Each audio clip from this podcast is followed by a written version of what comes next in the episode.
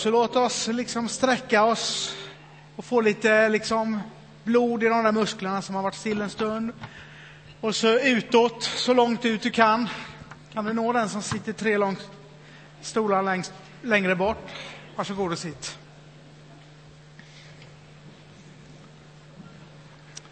När vi var ganska nyinflyttade här i Göteborg så var vår son kanske sex, sju, sju, åtta kanske han var år. Han var hos sin kusin.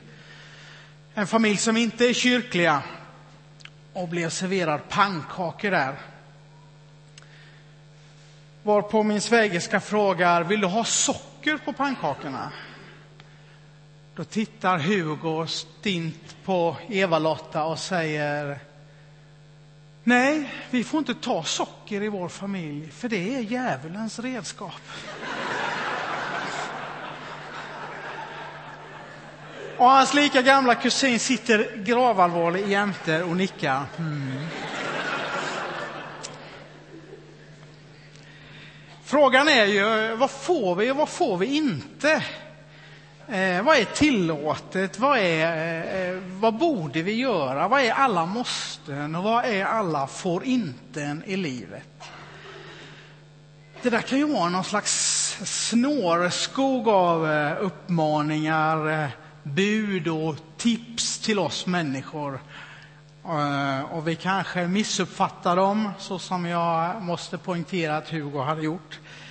Eh, om det inte bara var för att han ville skoja. Eh, men, men, faktum är att det här har nog varit en aktuell fråga i alla tider. Vad är måstena och vad är får intena? Vad är buden? Och vi lever nog lite till mans som den här kvinnan som Emma pratar om, som vill göra rätt. Som vill göra rätt. Vi ska läsa en text eh, där Jesus får den frågan ifrån Markus evangeliet. Det tolfte kapitlet, den 28 till den 34 versen ska vi läsa. Eh, på sidan 718 för er med en sån här röd lånebibel.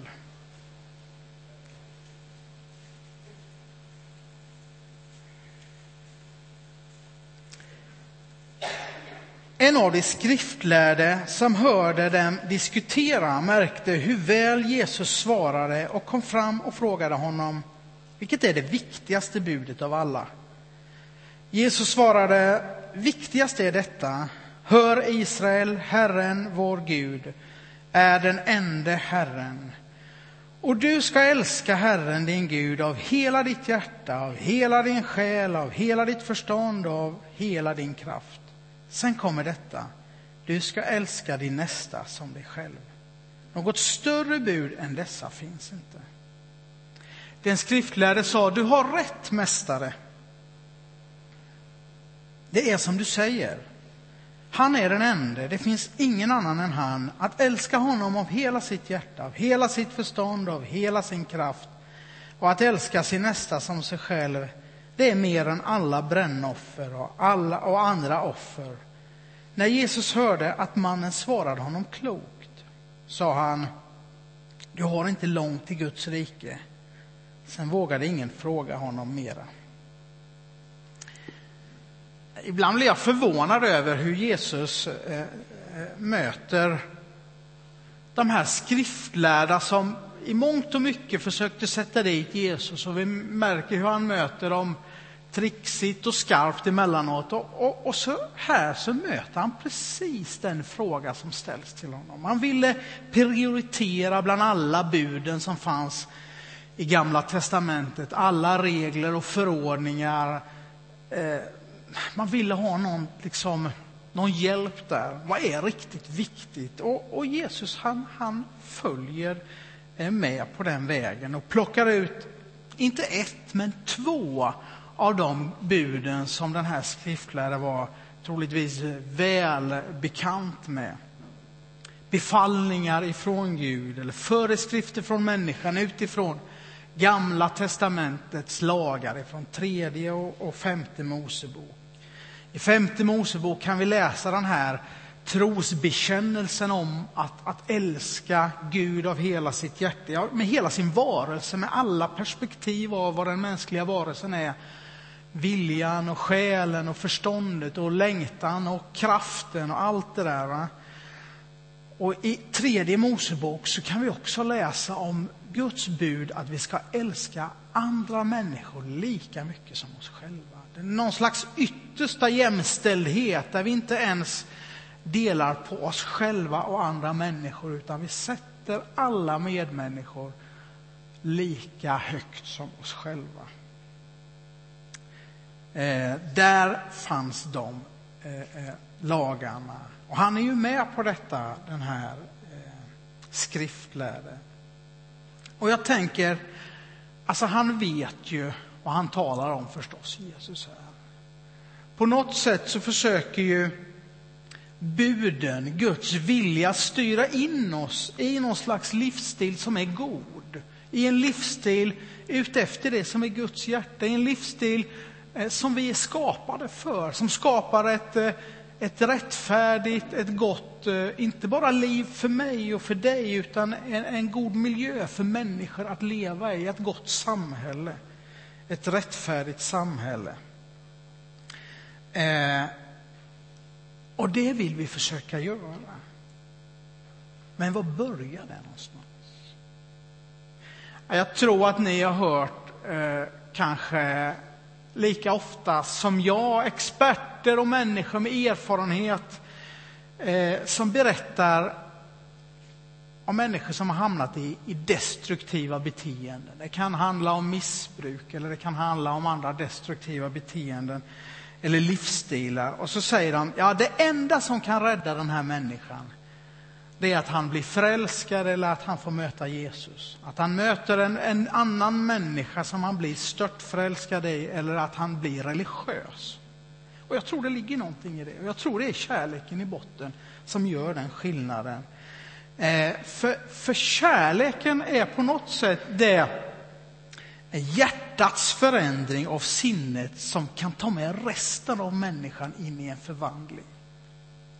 Alltså vi, kan, eh, vi kan skrapa på ytan och på vår fernissa och ändra lite grann, men på djupet förvandlas ingen människa som inte har förflyttat sin, eh, sin kärlek och, och sin tanke till, emot det som hon vill förvandlas till.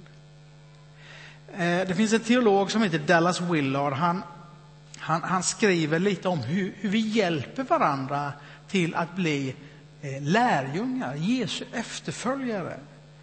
Och så skriver han att våra gärningar, de springer ur våra övertygelser.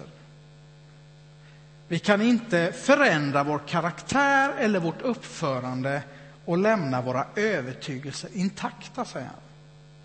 Alltså, att hjälpa lärjungar emot en intelligent trygghet att universum är Guds värld, det är att föra dem emot att älska Herren, din Gud, av hela ditt hjärta, hela din själ, hela ditt förstånd och hela din kraft. Han skriver att eh, en hjärtlig och klarsynt kärlek till Gud är alltid det första steget emot Kristuslikhet. Alltså om jag vill veta vad som krävs av mig, hur jag ska handla, vilka bud som gäller, så måste jag först förflytta mitt hjärta dit. Om jag ska ha en chans att bete mig så som jag vill. Och så säger den här gamla, gamla eh, eh bibelordet att vi ska älska Gud med hela vårt hjärta, med all, hela vår känsla och hela vår själ, vår vilja, vårt förstånd, intellektet behöver vi ha med, som, som, som han skrev här, teologen. Vi måste förstå att denna världen, det är Guds värld. Och hela vår kraft. Ibland så får man ta i av bara tjurighet. Va? Men är inte kärlek en känsla? Anna var inne lite på det här eh, när vi sjöng våra sånger. Alltså, är inte kärlek ett tillstånd, något som vi bara drabbas av något som vi bara måste följa? Ja, kanske inte. Kanske är det mer förälskelsen.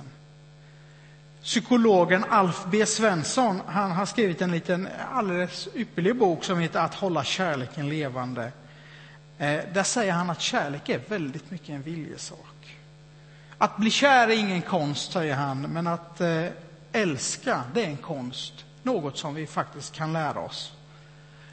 Jag, vet, jag hörde Lill Lindfors en gång, eh, eh sångerskan, prata om, om det här med, med, med, de här små förälskelserna. Och för att hålla isär det där så kallade hon, hon dem för betuttelser.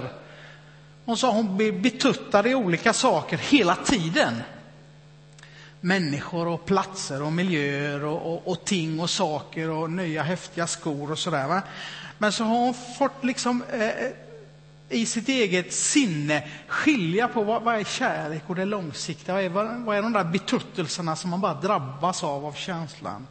Eh, och det är väl det han säger här, eh, Svensson också. Och så säger han i, i, sin bok att det råder en ständig växelverkan mellan vad vi känner och vad vi gör. Eh, mellan våra känslor och vårt beteende.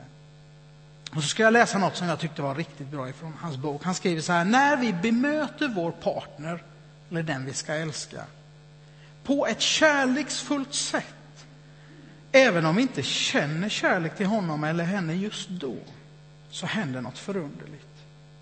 Den kärleken som vi har haft eller har, men som är begravd under lager av besvikelser och irritationer, börjar långsamt spira och väckas till liv. Genom beslut vi fattar och handlingar vi utför kan vi inte bara hämma och förkväva kärleken utan också hålla den vid liv och låta den blomma ut. Moder Teresa fick frågan, hur kan du vara så kärleksfull som du är?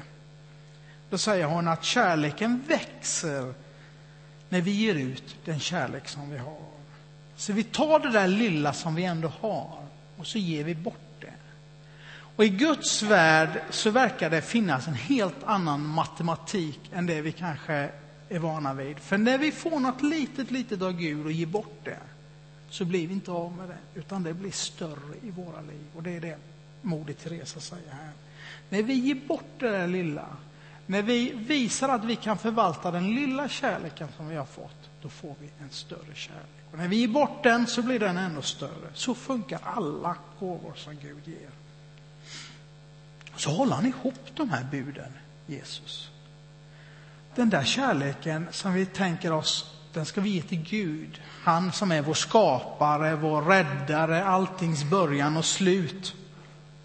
Säger han, det gäller också andra människor. Det här är en enda rörelse. Han frågade efter det viktigaste budet, men han fick två som inte gick att dela på den skriftlärde. Och det enda Gud gör, det är att försöka reparera syndafallets konsekvenser. Syndafallet som som skilde på Gud och människor och människor och människor. Vet, det första som händer i berättelsen om Adam och Eva, det är att de börjar skyla sig för varandra, gömma sig för varandra, skylla på varandra. Och sen kommer Gud och då börjar de gömma sig för Gud, hålla sig undan och bli rädd för Gud. Det är de två rörelserna som händer när katastrofen eh, inträder i Första Mosebok med syndafallet. Och sen dess har Gud försökt att reparera detta genom att komma nära oss människor och låt oss komma närmare varandra. I en vertikal rörelse där vi får komma nära Gud och en horisontal rörelse där vi får komma närmare varandra. Och mitt i skärningspunkten av de här horisontala och vertikala rörelserna, där finns Guds hjärta. Och Jesus kommer åter, åter, åter tillbaks till detta. Inte minst i ett annat evangelium, i Johannes evangeliet. Han pratar om att han ger oss bud om att älska varandra. Han befaller oss att älska varandra. Han ber för att vi ska bli ett. Så som Gud och Fadern, eh, Jesus och Fadern och Jesus och den kristne är ett, ska också de kristna bli ett med varandra. Den här relationen emellan människor.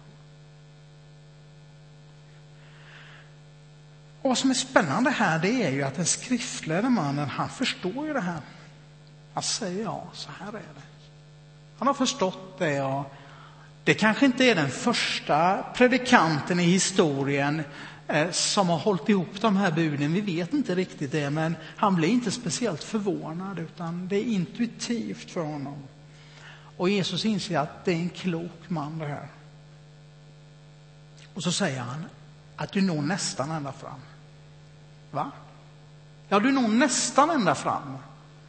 Men vänta lite nu, om han har fått tag på de här buden och han bara nästan ända fram då?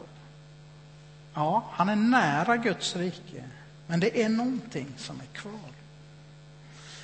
Om vi går lite längre fram i texten så, så ges det lite ledtrådar där och de ledtrådarna är givetvis Jesus själv. Han har förstått buden, han har förstått Guds vilja, men han har ännu inte sett vem Jesus Kristus är i detta. Den Messias som han säger att han är, den Guds son, frälsaren, Gud själv. Det har han inte riktigt fått tag på. Men det är nära.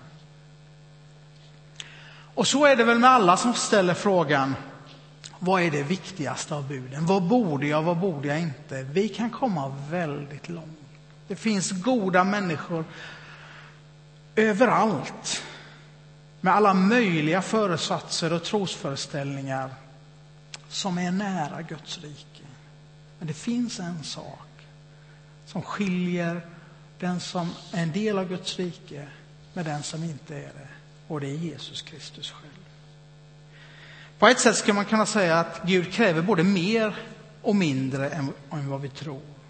Alltså bland alla de här tusen sakerna som vi ständigt ska försöka hålla knas på, de små stora reglerna om ditt och datt, alla måsten och får inte, så verkar Gud egentligen bara kräva en sak.